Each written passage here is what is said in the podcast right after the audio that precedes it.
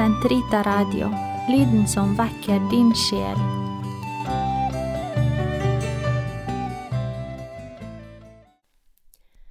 Karmels hage, episode 15 Å be Fader vår Kan du tenke deg noe mer oppbyggelig enn å fordype seg i Guds ord og skjønne hvor nær vår Far i himmelen er? Finnes det noen større lettelse når hele din kropp, hele din sjel og alt som i deg måtte være, plutselig skjønner hvilken usigelig gave det er å få være kristen? Jeg har tatt imot ham, Ordet, som ble menneske og tok bolig iblant oss. Og, har, tatt, og har jeg tatt imot ham, er jeg også Guds barn. Jeg leser fra Johannesprologen vers 12–13. Men alle som tok imot ham, dem ga han rett til å bli Guds barn, de som tror på hans navn. De er ikke født av kjøtt og blod, ikke av menneskers vilje og ikke av manns vilje, men av Gud. Har du noen gang virkelig erkjent hva dette innebærer, virkelig sunket ned i dette barnekåret? Har du noen gang begynt å be om å få tre inn i denne kjærligheten som han lengter slik etter å få gi deg? Jeg hadde som et lite prosjekt før dette programmet å telle hvor mange ganger Jesus henviser til sin far i himmelen for å fortelle sine disipler om hvem Faderen er, og med hvilken kjærlighet han elsker oss. Men jeg ga det opp, det var for mange ganger. Jeg brukte i stedet litt tid til å meditere over min egen kjærlighet til mine barn, og den glede det vekker i meg når jeg får oppleve at vi er sammen i denne kjærligheten. Det skjer ganske ofte og ganske konkret når barna er små, og kanskje en smule sjeldnere og litt mer kamuflert når de er tenåringer.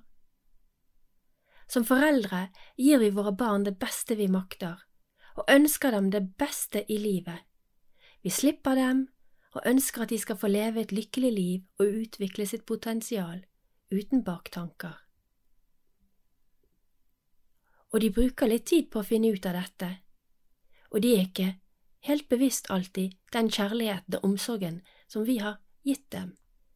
Vi unner dem alt det, men og likevel, hvor glad blir vi ikke da når de eventuelt kommer tilbake og viser sin kjærlighet, disse voksne barna, en telefon, en melding, et besøk, en klem.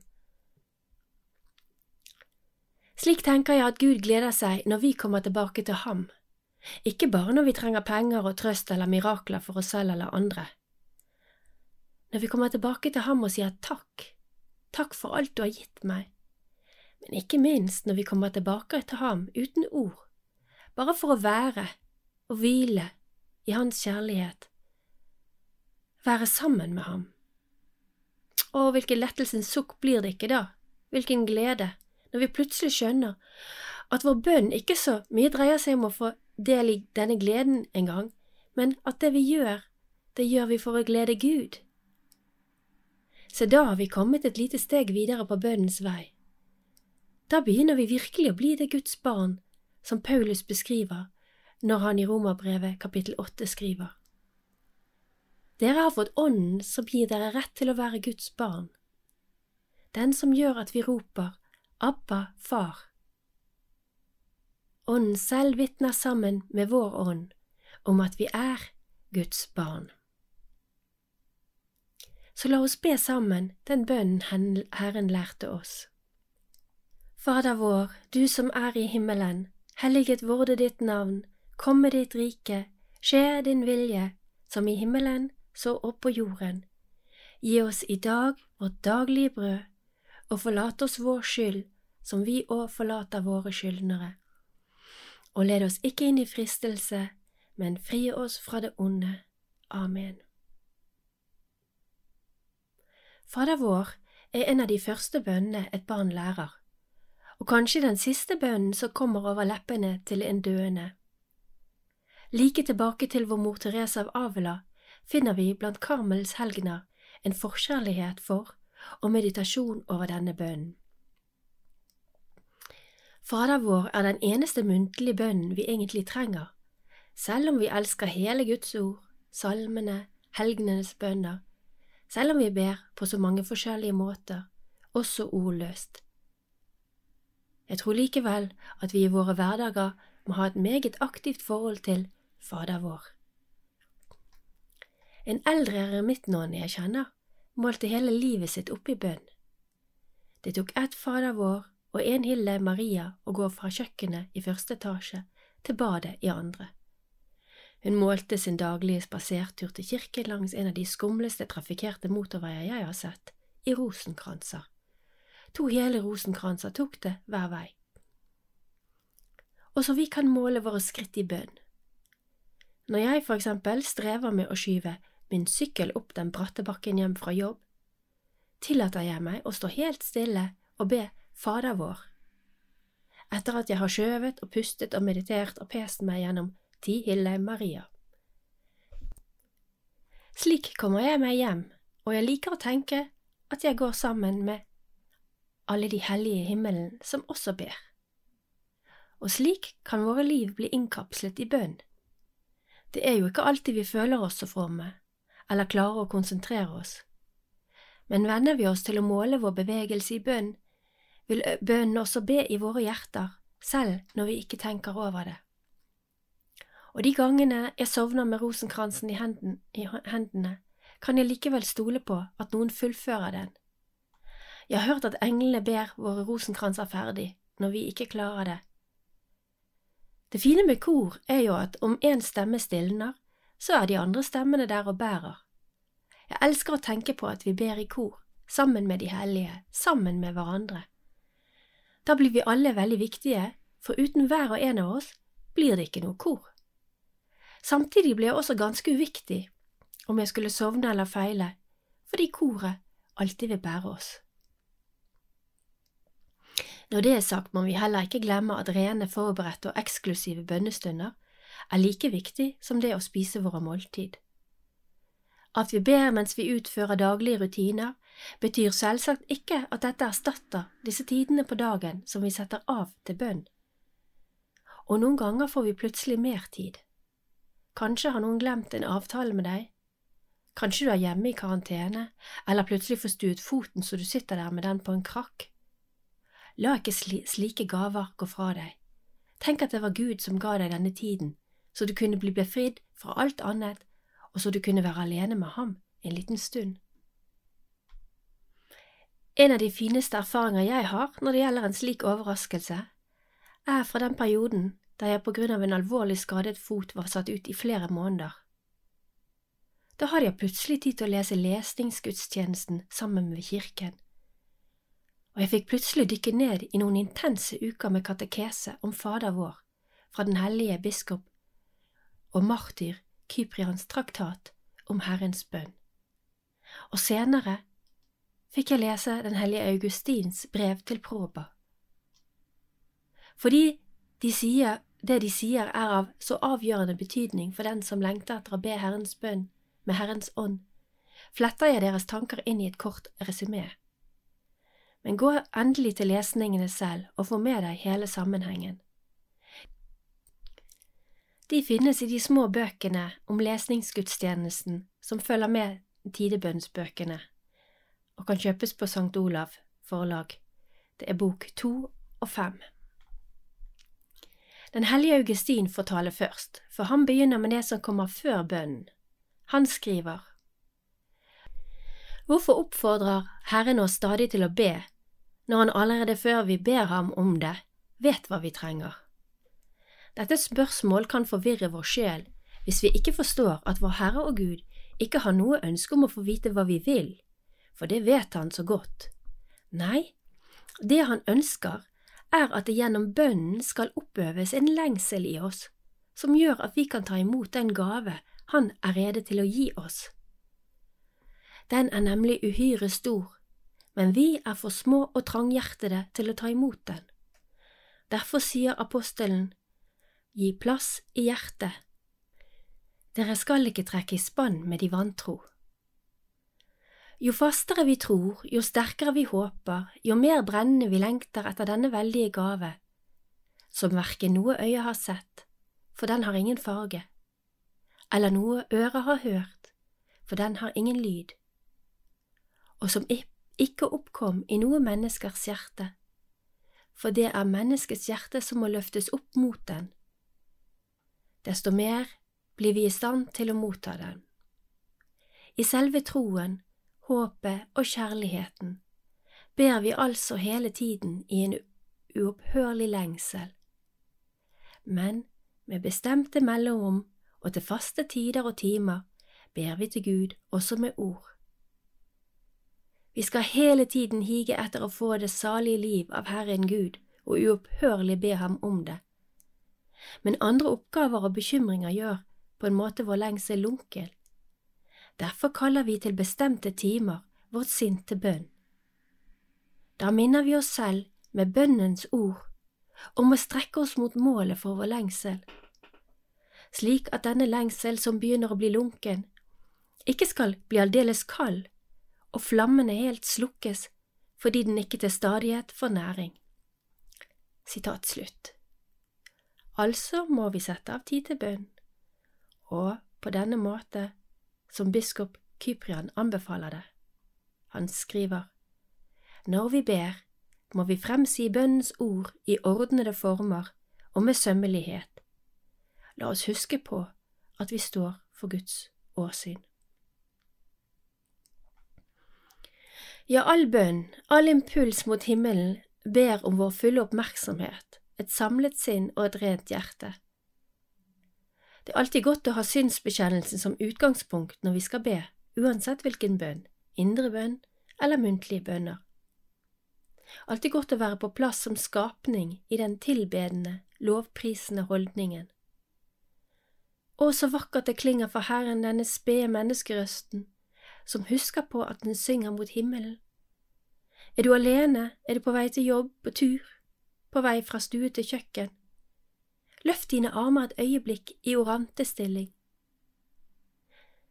slik vi kan se det fra bildene i katakombene i Roma, og slik som også karmelittnonnene har malt det i den vakre ikonen Jomfru Maria av tegnet. Trekk inn Helligåndens friske pust. La din bønn flyte på Åndens vinger. La den, som rosebladene de små barna strør i Korpus Christi-prosesjonen, virvle litt i luften, før de faller på plass ved Herrens føtter, våre små bønner til den store Herre. Husk på hvem du er, og den store nåde det er å få si Fader vår. Ja, for han er vår far, og Jesus Kristus er vår bror. Maria er vår mor. Og ja, vi ber denne bønnen i kor. Det er ikke min Fader, men vår. Biskop Kyprian fortsetter. Vår bønn er offentlig og felles, og når vi ber, ber vi ikke hver for sine behov, men for hele folket for vi er hele folket, og vi er ett. Vi er hans barn, og han er den barmhjertige far som gleder seg når barna lever sammen i fordragelighet. Det er altså ikke bare vi som skal glede oss, men først og fremst han som skal glede seg over oss. Tenk vel igjennom hvordan det skal kunne skje, om ikke ved den daglige helliggjørelse ved Hans navn. Helliget vorde ditt navn. Ja, sier biskop Kyprian, vi trenger en daglig helliggjørelse slik at vi som synder hver dag, kan rense oss fra våre synder ved en stadig helliggjørelse. Om du bærer frem denne bønnens offergave, og der kommer til å tenke på at din bror har noe imot deg, så la gaven ligge foran alteret og gå først og bli forlikt med din bror. Slik snakker Jesus i bergprekenen. Sørg derfor for å leve rett i forhold til din bror, så du ikke stadig må avbryte denne bunnen og gå for å gjøre opp. Gode vaner og gjøre opp så snart misforståelser og ubehag har funnet sted. Å kunne si unnskyld, det var min feil, i kampens hete, der og da, frigir så mye plass og rom om du ønsker å leve i bønn. Å be alltid krever en sjel som er beredt til å be alltid, som i utgangspunktet ikke bærer på det store syndebyrder i forhold til sine medmennesker. Øv, øv, øv. Denne vanemessige viljen til å gjøre opp og leve rent åpner sluser til bønnens fossefall. Gå endelig til Skriftet regelmessig. Når bønnen kommer oss under huden, det er da vi kan prøve å la Hans vilje skje og Hans rike komme. Fordi vi kan ta imot Hans barmhjertige tilgivelse, nettopp fordi vi er forberedt til å tilgi dem som trenger vår. Ja, be alltid disse bønner, bær dem i ditt hjerte slik at du blir det du ber, at ordet får omdanne ditt hjerte og ditt sinn, og du får vokse i hellighet og motta brød fra himmelen. Jeg skal ikke bruke så mange flere ord her, denne bønnen bærer du i ditt hjerte, og den skal stadig få vokse i deg. Har du en dag hvor din tid avsatt til indre bønn starter på et veldig slitent nivå, så la deg bære av Fader vår. Kan du ikke konsentrere deg om noe, så repeter Fader vår. For mange ganger har jeg ikke tilbrakt det meste av den halve timen i indre bønn med å begynne denne bønnen om igjen og om igjen. Ingen vakre tanker eller meditasjoner, bare dette gjentagende, fantastiske stedet for en sliten og forvirret sjel å hvile. Fader vår, ja, jeg er ditt hjelpeløse barn. Slutt aldri å repetere i ditt indre disse velsignede ord, Fader vår, Therese av Avla gjør dette til stadighet når hun sier Fader vår, gi oss å tale med deg som en far, en bror, en herre, en brudgom. Eller Fader vår, hvis jeg da i sannhet hadde forstått slik jeg gjør nå, at dette min sjels lille slott rommer så stor en konge, skulle jeg ikke så ofte latt ham være alene. Eller Fader vår, la din nåde bli meg til del og gi meg ditt rike, så jeg kan oppfylle din vilje. Slik er alle hennes bøker krydret med bønner til vår alles far. Les hennes tekster med oppmerksomhet og se hvordan hennes liv og bønn er rettet mot Fader vår i himmelen. Særlig er dette synlig i boken Fullkommenhetens vei. Ikke minst, les Bibelens tekster med Fader vår klingende i ditt indre, så skal du få en stor glede og en stor gave. For vår Herre Jesus, Han som lærte oss å be denne bønnen, lærte oss ikke denne bønnen kun med ord. Hele hans liv og forkynnelse er en eneste sammenhengende veiledning i denne bønnen. Alt han sier og gjør, viser oss at Jesus ikke bare lærer oss denne bønnen, ikke bare lærer oss å be den for å få noe i fremtiden. Nei, Jesus selv er oppfyllelsen av denne bønnen her på jorden. Han er fasiten med to streker. Slutt aldri å la ham undervise deg. Slutt aldri å la denne bønnens ord undervise deg når du synker inn i Skriften, Guds ord, eller lar den klinge fullkomment i messens mysterier. Lukk øynene og la Herren gradvis la denne bønnen oppfylle ditt hjerte og ditt liv. Fader vår, du som er i himmelen. Helliget vorde ditt navn. Komme ditt rike. Skje din vilje som i himmelen, så òg på jorden. Gi oss i dag vårt daglige brød, og forlat oss vår skyld, som vi òg forlater våre skyldnere og led oss ikke inn i fristelse, men fri oss fra det onde. Amen.